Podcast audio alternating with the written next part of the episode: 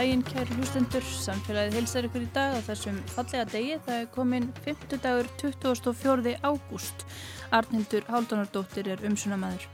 Og það er svolítið stopnarnalegt þema hjá okkur í dag. Við ætlum að fjalla um skólabyrjun og tilfinningar sem að henni tengjast.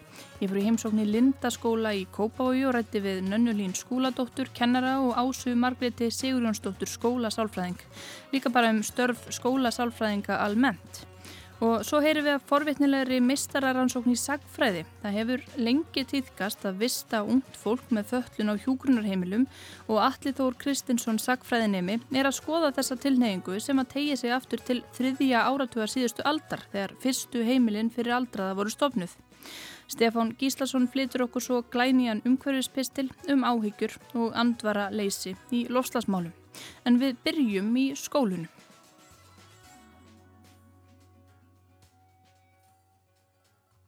Já, nú eru grunnskólandi flestir farnir að stað og þið heyriða kannski að látunum hérna í fríminútunum í Lindaskóla í Kópavogi.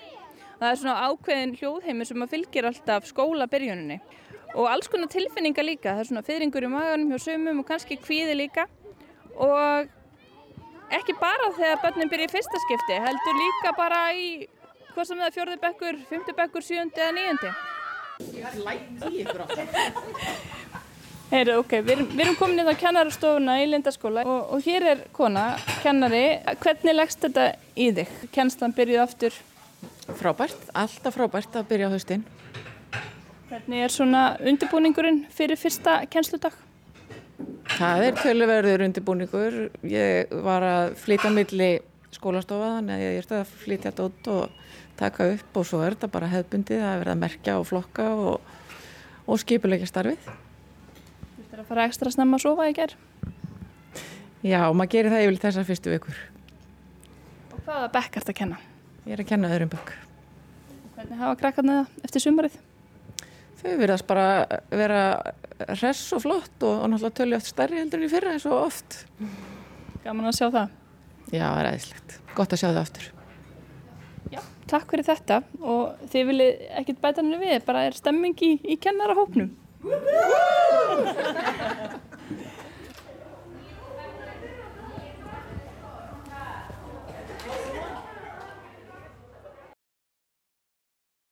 Ef þú bara byrjar á að kynna þig. Já, ég heiti semst Ása Marget uh, og er skólasálfræðingur í Lindaskóla og Hörðuvallaskóla í Kópói og nú eru svona ákveðin tímamót sem að þú verða á, á hverju hausti. Skólanir eru farnir eftir stað og því kannski fylgjalskunar tilfinningar hvernig horfir þetta við þér? Er, er hópurinn sem er að koma í skólan mjög spentur? Já, ég held að segja bara mjög almennt eru krakkar spentir eh, eða svo tilfinning sem fylgir því að byrja í skóla er spen, spenningur og tilhökun en á sama tíma kannski líka kvíði hjá mörgum sem er allt bara, þú veist, bara svona eðlar tilfinningar en eins og segja, þú veist, margir eru uh, spendir og hlaka til að hitta vinni sína á bekkjafélag og kannski takast á einn í þar áskorunir og sama tíma eru sumir sem eru kvinir ymmit fyrir þessum hlutum. Og allt þetta er bara auðvitað eðlegt eh, Núna þegar skólanir er að, er að byrja átt einhver ráð til nefnda eða foreldra þeirra hvernig í rauninni er hægt að gera þetta sem, sem þægilegast og besta tíma fyrir, fyrir alla? Fólki líði sem best á þessum tíma? Já, fyrst og fremst huga svefni og næringu skiptir mjög, mjög, mjög miklu máli svefnin að, að þau séu að fá, komi vel út kvild í skólan. Svefnin kannski farið aðeins úr skorðum í sumafríinu og svona? Ég held að við þekkjum það alveg öll sko, að hérna, koma honum alveg á, á, hérna, á réttan stað, það er nummer 1, 2 og 3, því það er svona grunnurinn að því að, að okkur líka bara við séum í jafnvægi og okkur líður vel og getum einbit okkur Uh, og svo líka bara veist, að morgun rútína sé í góðu lægi að hérna, minga veist, stress á mótnana og með því að kannski undirbúa sér svolítið kvöldi áður, finna fötinn fyrir skólan, að vera að ákveða hérna, hvað næst á að vera og kannski líka um, að, já, undirbúa bara skóladóttir sitt kvöldi áður. Að hérna, gefa sér góðan tíma líka á mótnana að mæta sem að sé ekki alveg í í ykkur stressi að koma í skóla en þá náttúrulega kannski verið dagurinn ekkert droslega þægilegur.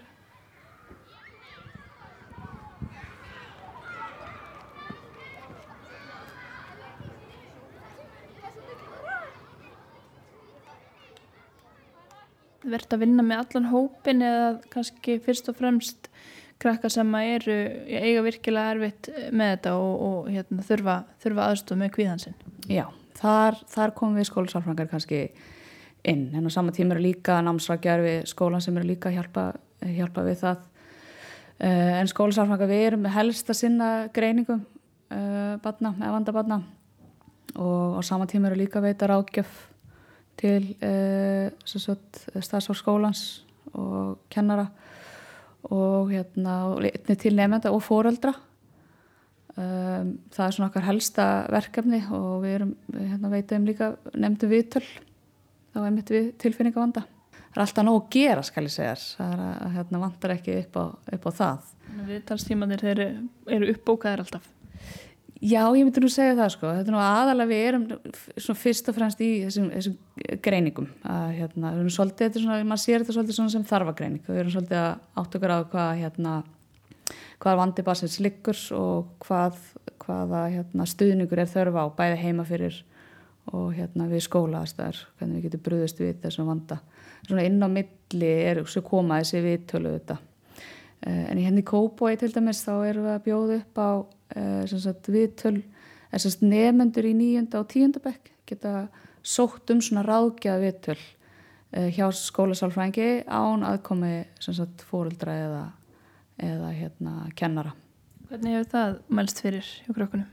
Það er eitthvað sem að þau sóttust hérna, eftir og þetta var svolítið svona bröðust við eftir, þetta var svona það sem að vera svolítið að kalla eftir það sem var svona ekki vanlegan í ákveðum uh, um ákveðum hóp og Jújú, jú, þetta er rosa mismönd eftir skólum uh, þar sem að það sem er sótt, sótt í þessi viðtöl en ég held að þetta sé mjög mikilvægt og að það sé svona lækka þröskuldina eins fyrir því að nefndu geta sótt sálfræði viðtöl og, og hérna uh, já, hafa tækifæri til þess að geta fara á sínum eigin fórsöndum á þess að borga hafa fjárhætt Já, einmitt, nákvæmlega. Og svo er við svolítið metuðan síðan bara þú veist, í hvað farfi máli þar svo að fara.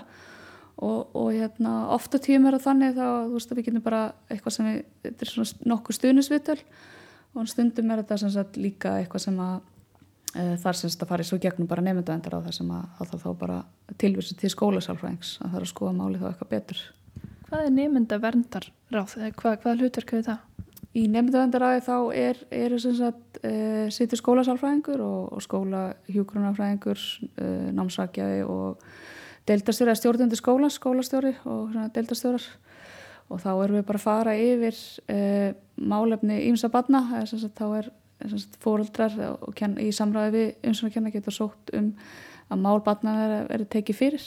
Og þá er, þá er þeim að vísa í ákveðin farveg annarkort til skólasafræðings eða, eða í, í eitthvað skona annað úrræði En svona það sem þú ert helst að fást við það eru greiningar og eru við þá að hugsa um þetta sem er mest í umræðinni, einhverju greiningar, greiningar áti háti eða, eða eitthvað annað líka?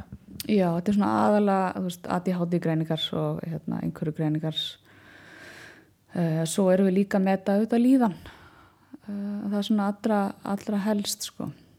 Og svo veitu af auðvitað þessa rákjöf líka, þú veist, það er einhver hefðunavandi eða eitthvað svoleiðist til staðar og þessi hópur, sko það hefur náttúrulega meiri mikið í umræðinu hvaða tekur langan tíma að fá greininguna og þar með stuðningin sem oft fylgir greiningunni hvernig er þessu hátta hér? Er, er börnin að býða mjög lengi frá því að kannski grunur kviknar um, um ADHD eða, eða einhverfu þar til að þau fá þann stuðning sem þau þurfa innan skólans?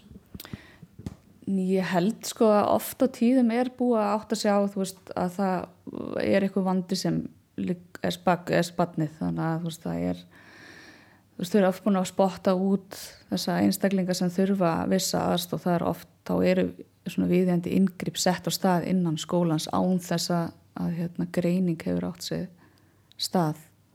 Þannig að þú veist hér í Kópoi er nú yfirlt ekki mikill byggtími að fá greiningu. En það er kannski helsti vandin er hérna sem tekur við.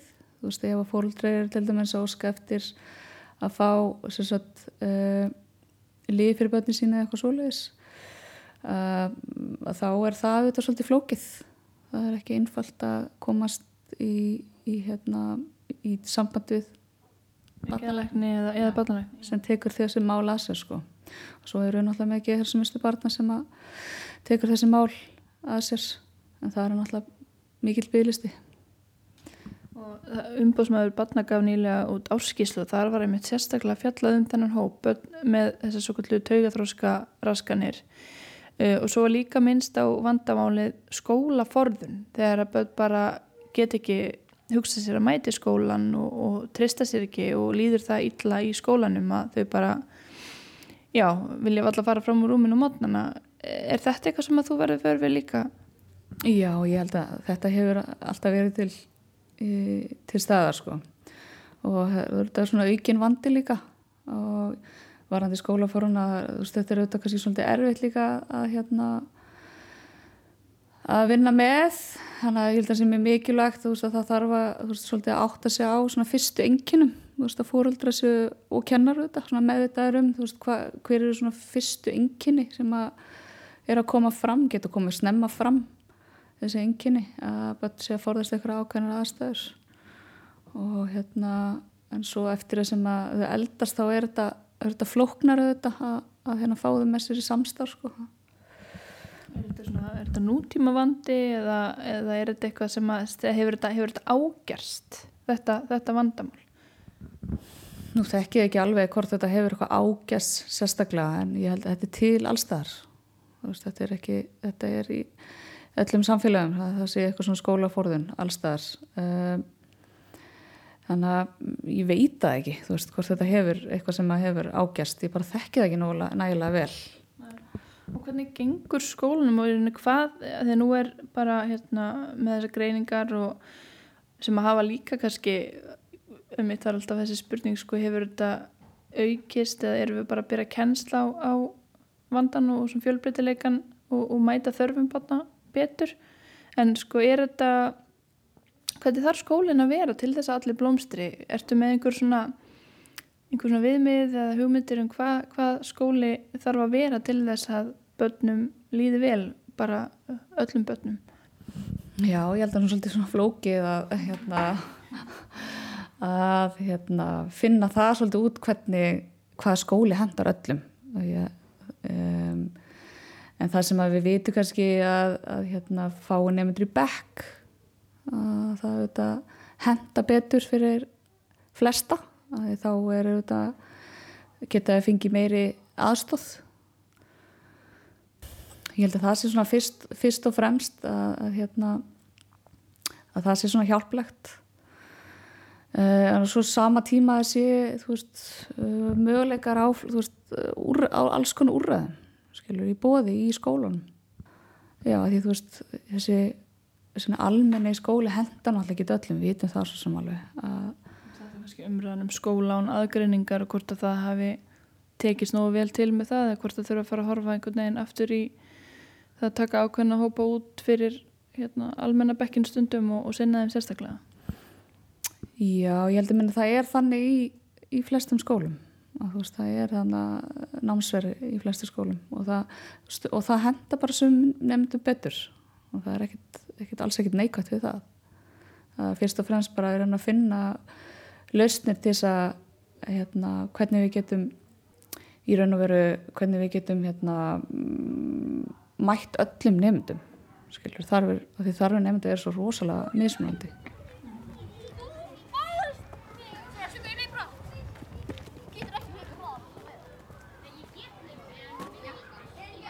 Nú eru þið svona spjaltölvu skóli, er það ekki? Jú. Mikið verið að nota spjaltölfur.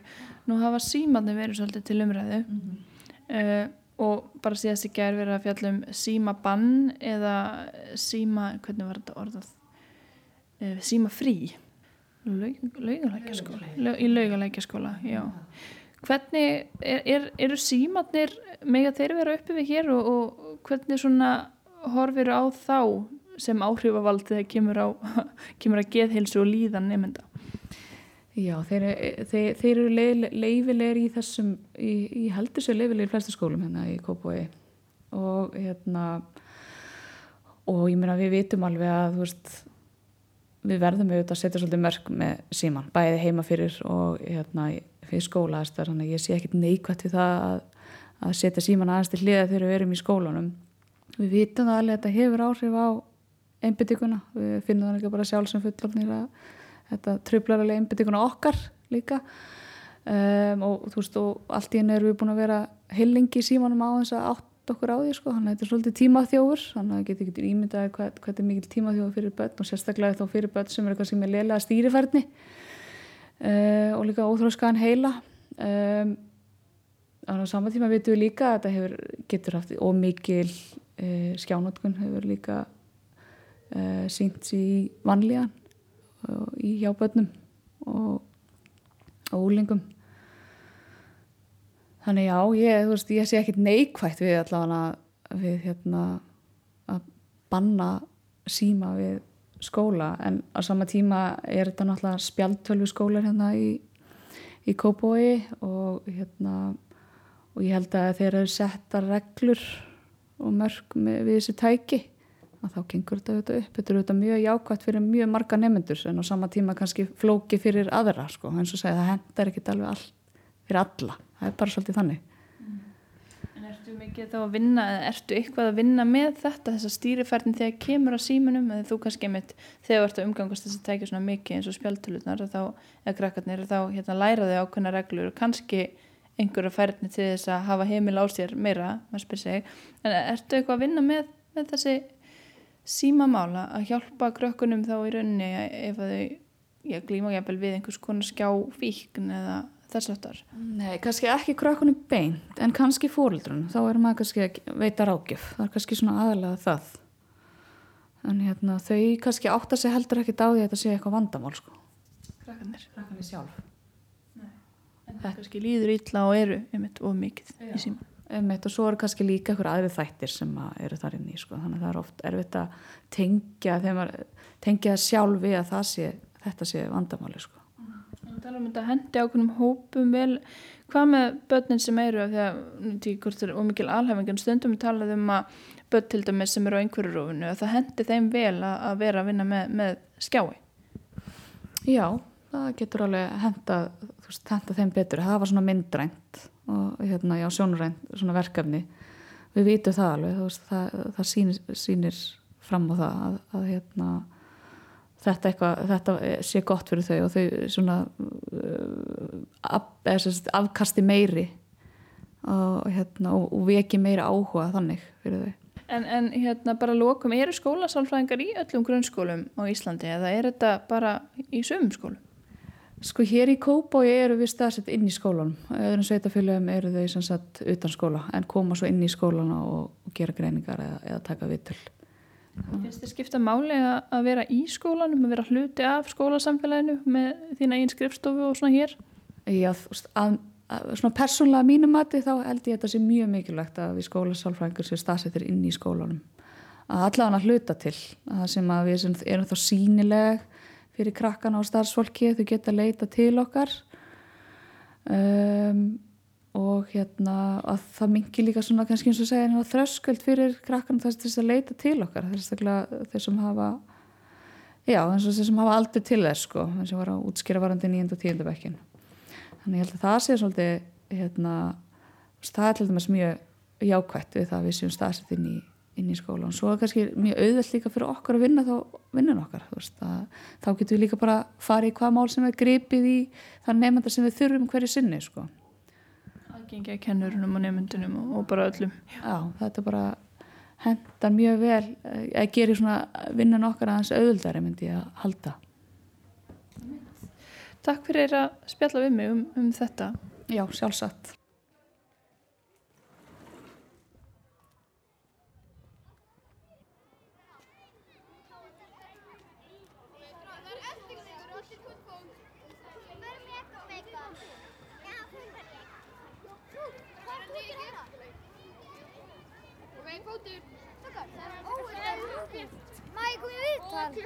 Ekki núna. Akkur er rúf hérna?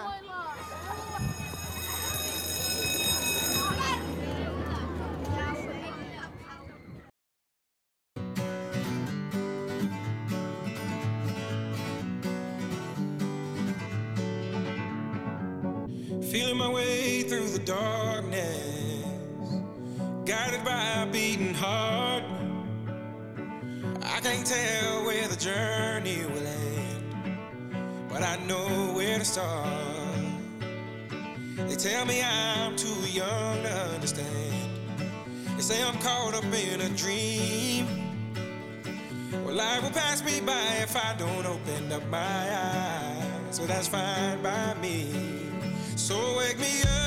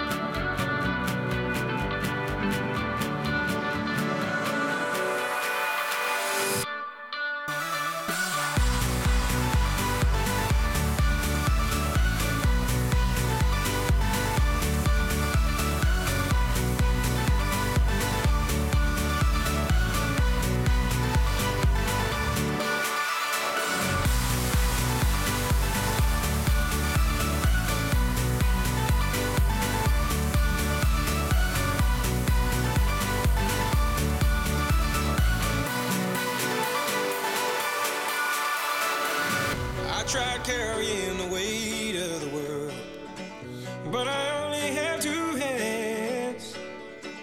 Hope I get the chance to travel the world, but I don't have any plans. Wish that I could stay forever this young, not afraid to close my eyes. Life's a game made for everyone and love is the prize. So wake me up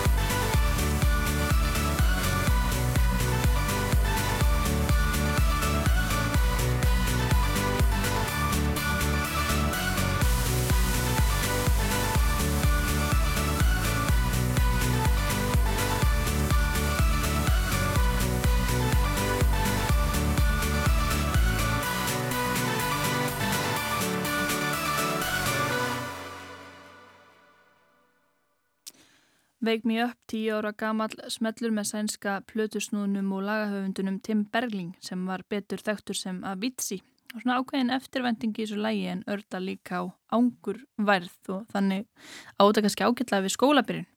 En næst er það saga þess að vista ungt fólk með föllun eða einhvers konar helsubrest á annars konar stofnunum en skólum, nefnilega hjúkrunarheimilum fyrir aldraða. Þetta er gömul saga og ný og Atli Þór Kristinsson, meistaranemi í sagfræði, hefur sögt sér ofan í hana. Já, ég heiti Alli Þór Kristinsson og ég er sagfræðinemi, er í meistaranámi við HÍ og hef verið það núna í, já, síðlinn 2-3 misseri. Og þú ert að skoða uh, í þínu meistaraverkefni sögu þess að vista ungt fólk á elli heimilum eða hjúkrunarheimilum. Já, það passar. Uh, sko, já, ég er að skoða svona cirka tímabili frá því að fyrstu elli heimilin urðu til á þriðja áratíðunum og kannski svona fram til, já, kannski fram að aldamótunum 2000 eitthvað svoleiðis. Og ég, ég er að einblýna svo liti á grund sem svona ákveði dæmi því það er eitt svona elsta og stærsta elli heimilið á landinu þannig að ég svona gef mig það að það myndi gefa svona ákveðna mynd af því og, og það, er, það er bæði vísbendingar og núna hef ég staðfest það einhverju leiti að það hafi í raun og verið veri talsvert af ungu fólki þar á ákveðinu tímambili og margt af því með föllun af einhverju tægi. Já, og grund er svona einmitt eitt elsta heimilið eh, stopnað Já, Eh, 1922. 22, þannig að það er rétt orðið 100 ára. Já. Já, þannig að þetta er ansið löng saga og þú horfið bara jæmt á allt þetta tímabil og, og, og já, þú segir að ákveðinu tímabili hafi kannski verið mestum þetta. Já, sko, kannski svona þetta er svona kannski stærri myndin er þetta lengra tímambil en svona megin fókusin er kannski svona 1950 til 1980 eitthvað svolítið svona þegar þetta úrreði er er hvað mest beitt eða svona er hvað algengast skulum við segja. Og hvaða fólk er þetta sem að e, ég lendi í þessu á hvaða aldri var það og, og hvað, hvers konar, hvers konar greiningu myndið að fá í dag? Já, sko þetta var í raun og veru sko allavega hópurinn sem ég er að skoða ég er að skoða aðalega fólk þá, já, undir 60 eða ég var kannski undir 67 svona það sem við myndum skilgræna í dag sem eftirleina aldur og þetta raun og bara fólk á öllum stegum þjóðfélags getur við sagt hvaða næfa af landinu oft. Og sko ég miða allavega þó svo að sé ákveðnum vankvæðum bundið en þá miða ég kannski við svona það sem við myndum skilgræna í dag sem fallanir sem er þá bara, ég miða bara við svona ofinbæra greiningar uh, greiningatæki og slíkt sko. Og þannig að þetta er fólk þá sem að væri þá ímist með einhvers konar þróskaskerðingar eða þá uh, líkamlegar fallanir af ýmsu tægi Hvernig er því, ertu að horfa þá til einhverja gagna, einhverja lýsinga eða sjúkraskráa? Já, ég, sagt, ég fann fólkið með því einfallega að fara í manntöl og önnur slíkagn og þar er í raun og veru til dæmis elli heimil á borði grund og mörg önnur þar í rauninni talið upp eins og hvert annað heimili og það er hver einasti ábúandi talin þar upp. Og þar var í raun og veru auðvelt að sjá aldur fólks og þá í rauninni tók ég bara þá út fyrir svega sem að voru ákveðinu aldur spili og þetta er náttúrulega svona fólk sem er að nálgast þennan svona eftirleuna aldur skulum við segja. Hann er náttúrulega stærri og fyrir náttúrulega fækandi eftir því sem þetta er yngra en það er samt alveg töluvöru fjöldi þannig 1950 til 80 og allt niður í börn og ungmenni Börn og ungmenni? Bara, bara úlinga eða, eða bara Já, smábörn eða? Já, eða þú veist smábörn kannski minna þá að kannski meira ef einhver móðir var með barni með sér kannski meira eitthvað, eitthvað svoleiðs kringumstæður en, en já, alveg allt niður í táninga getur við sagt Það er mjög merkilegt. Mhm. Og hvað, hvað var til þess að þú heldur út í þetta?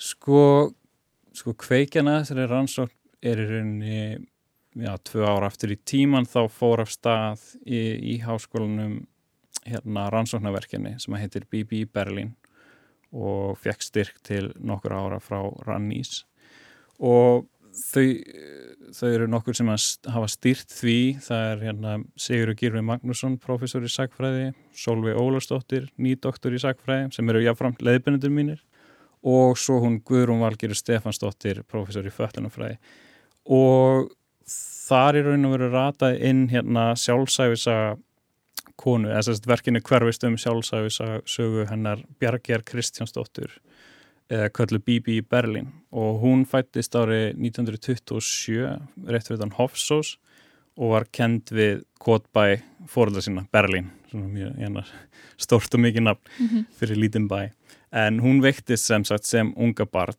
og var síðar stimpluð sem fáviti af, uh, það var bara orðalega þess tíma, af fjölskyldu og samfélagi var falinn fyrir gestum og gangandi bak við rúmstokk eða... Nú var umverulega stimpluð, þetta þótti skömm.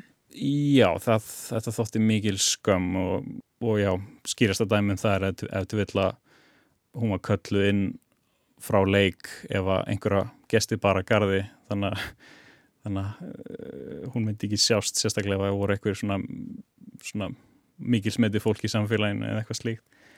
En hún býr heima í fóröldir sínum fram að þrítu en þá deyr móðurinnar og heimileg svona hálpartin leysist upp og hún, hún er send á Blöndós á elli heimilið þar og hér að sælinu Hvena var þetta? 1958 sem hún fer á hýrasæli? sem hún fer á héræsæli Já. og hún er þar alveg til 1974 og en komst í sagt, sjálfstæða búsetu eftir það með, með aðstóð vinkunum sinnar og, og góra, góra vina. Og svo skildi hún eftir sig handritað sjálfsæðisögu alveg 19 stílabækur gormastílabækur skrifaðar alveg út. Og, og það var hennar óska hún yrði gefin út. Það, hún, það er skýr brefa hérna, skrifum það. Og en fáir vissu hins vegar hún væri læs og skrifandi og það er það sem er svo merkilegt að, að þeir eru rauninni mjög einstök saga upp á það að gera. Það var ekki, ekki margir í hennar stöðu sest niður og skrifa æfisin, gert upp æfisína með þessum hætti. Hún kannski ótrúlega segla með það mótlæti sem hún hefur mætt í æsku. Já, ekkert smá, hún var, hún var líka alveg mjög einstakur karakter, svona mjög, mjög sterku karakter, hún vissi alveg hvað hún vildi og, var ekki trætt við að segja fólki skoðari sínar á því. Og, en hún sést að það sem er líka eitt merkilasti kaplin í sögunni er þegar hún lýsir dvölsinni á elliheimilinu. Hún talar svo mikið um það hvað henni leittist þetta mikið og hún tekur það fram á einum stað og segir í raun og veru hvað hafði þrítug manneski að gera innan um 70-80 ára gamalt fólk? Og, og út frá því út frá, og ég, ég kom svona að útgáðu þessar bókar í fyrra 2022 og þá vaknaði raun og veru spurning bæði hjá mér og samstagsfólki mínu hvort að þetta væri einstæmi eða hvort þetta væri raun og veru eitthvað stærra fyrirbreyði Já, og um það snýst emmarhyggirinn mín að fara út í þá út í að skoða það. Já. Að þú komst að útgáfu æfisögunar. mm -hmm. Eh, hvernig var tilfinningin að- láta þessa ósk hennar rætast? Hún var í, sko við upplöfum okkur, ég og samstæðsfólk mitt, alltaf mjög mikið með henni í liði og við höfum það alltaf að leiðaljósi að, að, svona, að koma hennar rödd sem svona ómengaðastri á prenta form þó svo það sé náttúrulega alltaf eitthvað einhver úrvinnsla við, við reyndum til dæmis samt að halda stafsetningu og öllu því að því að hún er með svolítið svona sérstaka stafsetningu en vel skiljanlega samt og sérstakt orðfæri svona svolítið sveit og, og skemmtilegt sko. Já. svona sérstaklega þegar hún er að segja fólki hvað henni raunverulega finnst sko. Og hún talar um að sér hafi leiðist. Hver er svona þín tilfinning? Þetta er grannlega stór hópur sem hefur dvalið allt niður í börn og ungmenni upp í einmitt svona fólk sem er að nálgast efri árin en er svona ættirun kannski ekki að vera á elliheimili. Uh, hvernig svona fór um þetta fólk? Hvernig atlæti fekk það? Var þetta góð laust á þessum tíma eða, eða var þetta eitthvað sem að virkilega uh, íþyngdi fólki og svona dróð úr því? Það er kannski svolítið erfitt að segja því að það er, er ekki kannski mörg tækifæri til þess að skiknast inn í eh, hugarheim þessa fólks þetta er ekki kannski fólk sem hann bar mikið á í samfélaginu eða skildi eftir sig hérna, viðtölu í blöðum eða eitthvað slíkt sem hægt er að nálgast. En þannig að Bibi er svona til til að einstök um þetta og veitur okkur ákveðna einsýn en, en það getur verið á setni ríkirinnar að ég reyna að taka viðtölu við eftirlifundur eða eitthvað slíkt. Ég eftir að ákveða það en svona sko í raun og veru að þessum stopnunum ólöstum e, þær hafa eflust bara gett sitt besta til að hýsa fólk og hugsa um það eins og það gat. En það var líka bara á þessum tíma freka mikið áhersla á það að leggja fólk með fallanir inn á stopnanir það var svona upp úr 1950 var það svolítið bara stefnan. Og svona aðskilnaðar stefna það er ekki heima Já. út í samfélaginu meðal fólks? Já, í raun og veru, fóreldrar og aðstandendur voru hreinlega kvattir til þess að senda fólk inn á stofnanir. En, en svona á þessum tíma þá eru stofnanir hins vegar á Íslandi frekar svona veikburða. Stofna, þessi stofnana væðing samfélagsins er komin til til að seint á eða svona Stutt á veg. stutt á veg, já. Og, og í því umhverju einhvern veginn þá voru elli heimilin svona einhvern veginn verist vera næsti kostur og tóku við þessu fólki alveg í miklu mæli að þeir mér sýnist Finnst þér þetta að fjópa einmitt eitthvað um viðþór til fallara stöðu fallara í samfélaginu á þessum tíma? Já, í raun og veru eins og þú nefndir á það er svona þessi, þessi aðskilnaðstefna því áður fyrir þá grunum ég að ég meina fólk bjó bara á sínum bæ með sinni fjölskyldu og þannig að þetta er náttúrulega líka kannski þetta er þróun sem að er kannski líka þekkt í nágrannlöndum okkar með þessari borgarvæðingu og þá svona verður ykkur meiri regla á samfélaginu og, og þá einmitt verður til þessi svona að, hálkira að, aðskilnaðstefna sko Og Hvað er þetta, þegar þú ert að skoða tölfræðina, hvað er þetta margir, þú ætla ekki búið með rannsóknina, Nei, nei. hvað er þetta margt fólk sem að þú ert búin að, að- að finna sem að allavega bjóð þarna á, á grund á þessu tímbili? Sko, ég gerði bara svona, til að byrja með, ég gerði ákveðna stikkpröfu af því þetta er alveg óheirilegu fjöldi fólks sem er svona undir, eða sko þar að segja þau sem að gætu hugsanlega komið til greina en ekki endur það. skráðu til heimilis. Já, einmitt, Mhm. en þannig ég gerði svona ákveðna stikkpröfu og gerði svona, já, rúmlega 50 manna úrtak og á tíumbilinu svona 1940 til 60 og þar virtist vera upp undir helmingur af þessu fólki. Ég, ég sérst tók út fyrir svega bara fólk undir 60 ára aldri á grund á þessum tíma og já, þar var upp undir helmingur, tæpur helmingur var fólk með einhvers konar föllun Mm og en ég er akkurat núna er ég með já, svona 32 staðfest tilfelli á ákveðinu tímbili og en þau eru eflust fleiri þú veist að því að já eins og ég segi að því að ég er bara rétt að stinga tanni og hann í, ofan í gögnin sko Já. í raun og veru Og hvernig að þú talar um einhvers konar föllum, hvernig er, er henni líst á þessum tíma? Því að Bibi, hún fæðist þarna hvað 27 sjö, og hún er stimpluð fáviti. já Hvernig, hvernig er orðfærið þarna 50-60?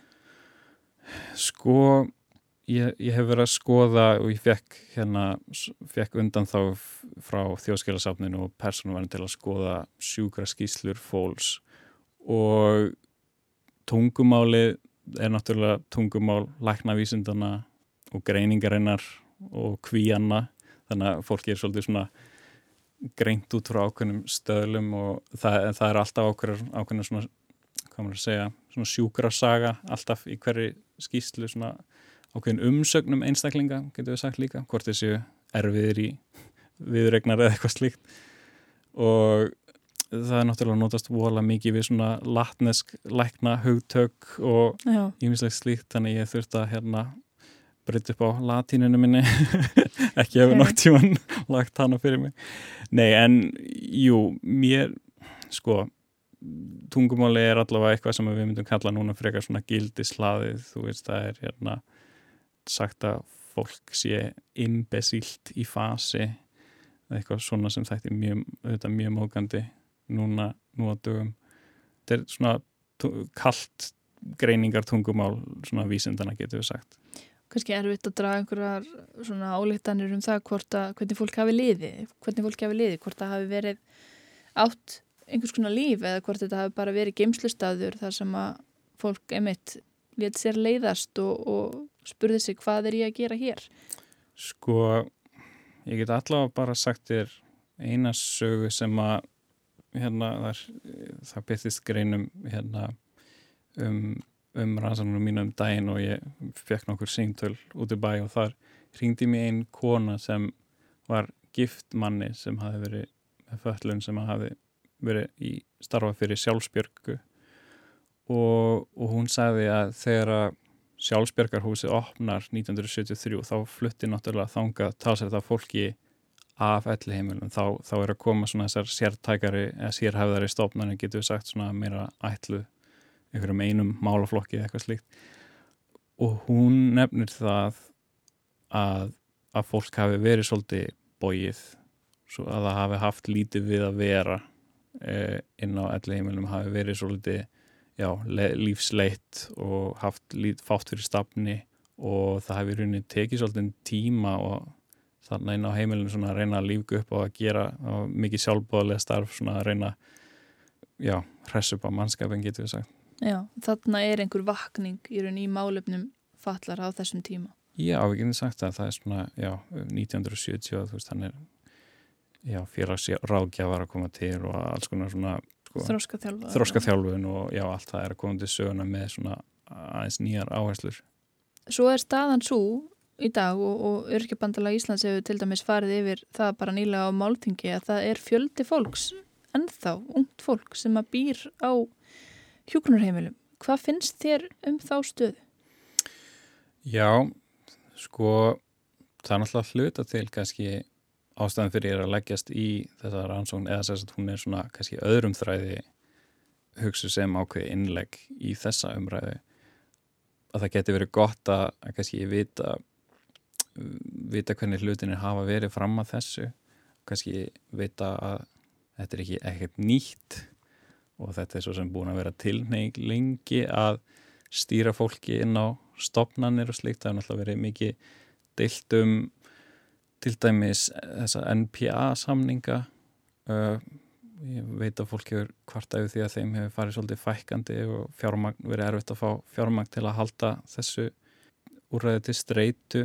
Eins og ég sé þetta þá er alltaf svona þessi svona einfalda lausnin en gæðsalappa oft frá sjónaróli stjórnvalda er að setja fólk inn á stopnarnir en aftur á móti hefur verið vaksandi áhersla á það undanförnum áratöfum að já, veita fólki þá þjónustu sem það þarf til þess að lifa sjálfstöðu lífi.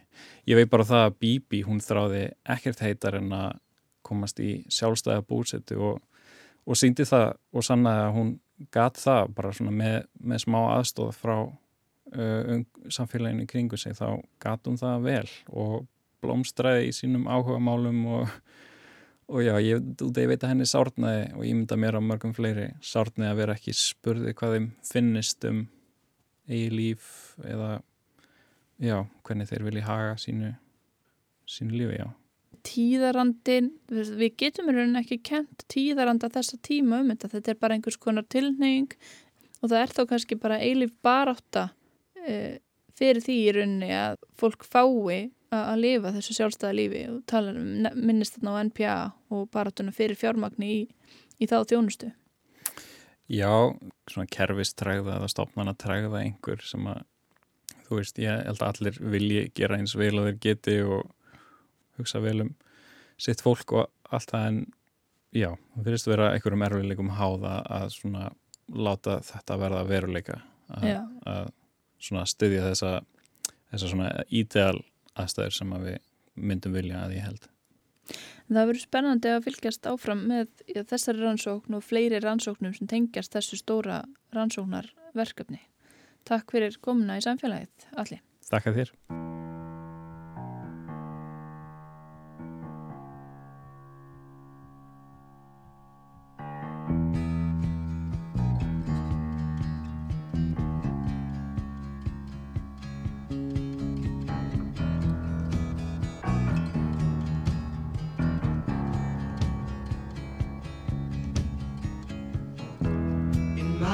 Town. I grew up believing God keeps his eye on us all.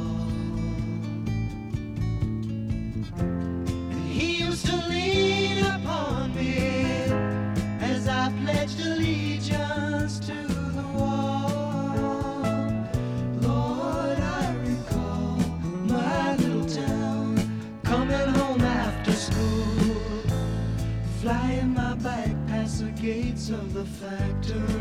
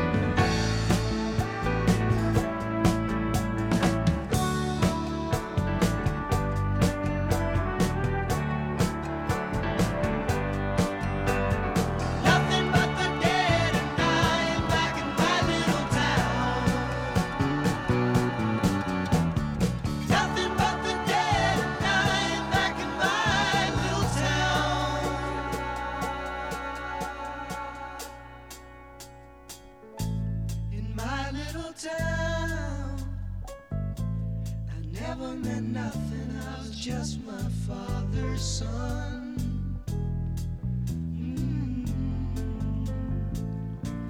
saving my money, dreaming of glory, twitching like a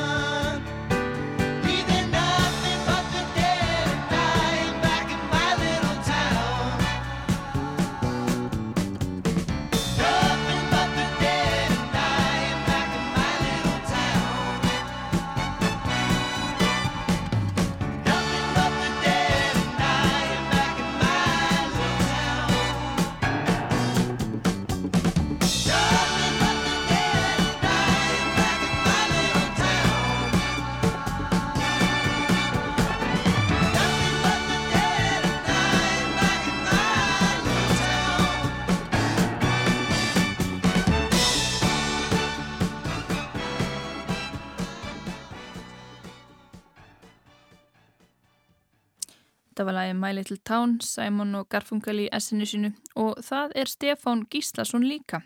En umhverfis pislarnir hans eru fastir dagskráliðir í samfélaginu og við heyrum eitt slíkan núna. Áhyggjur eru ekki uppbyggilegar en samt get ég ekkert að því gert að ég hef áhyggjur sem líklega munu fylgja mér eitthvað inn í haustið og veturinn. Þetta er samt hvorki heilsu kvíði nýja fjárhagsáhyggjur þó að bæði heilsa fólks og fjárhagur getur leiðið þungt á sálinni. Þetta eru ekki heldur áhyggjur af veðrinu þó að síðari hluti sumarsæði vissulega verið þurrari en góðu hófi gegnir að minnstakosta þeim landsluta þar sem ég bý. Og þetta eru eiginlega ekki heldur áhyggjur af loftslæðinu sem slíku þó að breytingarna sem þar er að verða gefi vissulega tilefni til að vera áhyggjufullur og eigi mögulega sinn þátti því að sumarið var svona þurrt. Áhyggjurnar sem líklega munu fylgja mér eitthvað inn í haustuðu veturinn eru nefnilega fyrst og fremst áhyggjur af andvaraleysi og þá aðalega af andvaraleysi stjórnvalda. Áhyggjurnar sem líklega munu fylgja mér eitthvað inn í haustuðu veturinn eru tilkomnar vegna þess að mér finna stjórnvöld ekki sína það í verki að þau hefði áttað sig á því hversu alvarleg lofstafsváin virkilega er. Í þessu sambandi er ég ekki endilega bara að tala um Íslensk stjórnvöld því það enda þótt Íslensk stjórnvöld virðist ega lengra í land en stjórnvöld í sumum að nágrannlöndunum þá er fullt tilöfn til áhyggjur af andvaraleysi stjórnvalda víða um heim. Hins vegar eru Íslensk stjórnvöld þau stjórnvöld sem standa mér næst og þess vegna hefur mestar áhyggjur af andvaraleysi þeirra. Í þessu sambandi, eins og í svo mörgum öðrum samböndum, skiptir líka máli að greina á milli þess sem maður getur breytt og þess sem maður getur ekki breytt. Ég get sjálfsagt litlu breytt um andvaraleysi íslenska stjórnvalda, en augljóslega hef ég enn minni áhrif á andvaraleysi stjórnvalda í öðrum löndum. Þess vegna eru íslensk stjórnvöld mér efst í huga þegar áhyggjurna sækja á. Nú er eðlilegt að spurt sé hvað ég eigi við þegar ég tala um andvaraleysi. Þar á ég við að mér finnast viðprögð íslenska stjórnvalda við lofslagsváni ekki bera þess merki að þau átti sig á að ástandi í lofslagsmálum eru orðið að neyðar ástandi. Til að nefna dæmi þá heyrum við fulltrúa stjórnvalda en einstaka sinnum nota orðið hamfara hlínun þegar ætlun er að lýsa gangi mála með einu orði. Jafnvel þó að hlínunin sem slík sé ekki með örlíti brota vandanum. Það væri til dæmis að miskosti jafn upplýsandi að tala um hamfara þurka, hamfara úrkomu, hamfara flóð, hamfara skriður, hamfara storm, hamfara uppskerubrest eða líðhelsu hamfarir svo dæmi séu tekin. Öll þessi orð vísa til mikilvægra byrtingarmynda loslasbreytinga en ekkert þeirra kemst nála því Ekki frekar en orðið hamfara hlínun að lýsa því sem við stöndum framifyrir. Orðið lofslagshamfarir kemst líklega þetta næsti. Andvaraleysið sem ég hef sem sagt svona mikla áhyggjur af byrtist að mínu mati ekki bara í nótkun óþarflega máttlausra samheita þegar tali besta lofslagsbreytingum. Það byrtist líka gjarnan þegar til dæmis ráþerar eru spurður út í viðbröðu enn einni svartri skýslu þar sem fram kemur að þrátt fyrir fögur fyrirheit bæði hér og Erlendis hafi losum gróðurhúsaloftegunda aukist milli ára eða að þrátt fyrir fögur fyrirheit hafi ríki heims ekki lagt fram nema brota þeim peningum sem þau loðið fyrir löngu að setja í sjóð til að aðstóða þróunaríki í baratunum gegn loftarsbreytingum eða að þrátt fyrir fallega aðgerða áallun hafi Íslenska ríkið ekki staðið skuldbindinga sína í loslasmálum og hafi þess vegna þurft að kaupa losunarheimildir fyrir 350 miljón kall. Ég mann til þess eftir einu svona viðtali í framhaldi að útkomu einna svona skýrslu fyrir sumar þar sem þeirri ríkistjórninu hafið þau einu svör að þetta síndi að við þyrtum að virkja meira. Ég nema þá öll hinn svörun hafi verið klift út úr viðtalinu.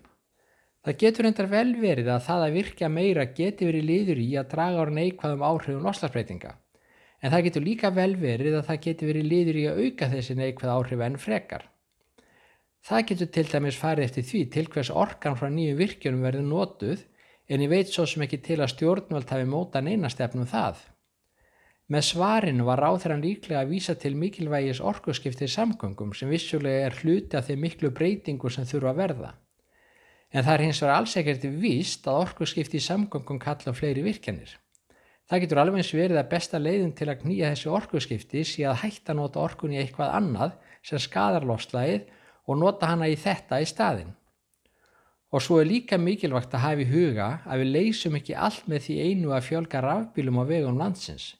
Við þurfum öruglega líka að ræða hvernig við mingum umferðin á vegum landsins, hvort sem við gerum það með því að draga úr ferðaþörf með einhverjum hætti með því efla almenningssamgöngur eða auka sjóflutninga á kostnað flutninga á landið í lofti. Líklega kallar ekkert að þessu á fleiri virkjanir. Og svo þurfum við líka að hafa í huga að máli snýst ekki bara um að draga úr losum gróðrúsaloft tegundar frá samgöngum. Það snýst líka um að hætta að brenna ólí í fiskimjörsversmiðum og í varafstöðum, svo dæmisauðtekinn, sem kalla kannski ekki heldur á nýja virkjanir, heldur miklu frekar endurbætur á flutningskerfi ráorku. Máli snýst líkum að draga úr losun vegna urðunar úrgangs sem er reyndar útaf fyrir sig sára einfalt viðhórsefni í samanburðið flest hinn. Og það snýst líkum að draga úr losun vegna nótkunna kælimiðla, losun frá yðinæði bursið frá ólínótkunninni, losun frá búfið og losun vegna áburðarnótkunnar svo fátt eitt sé talið.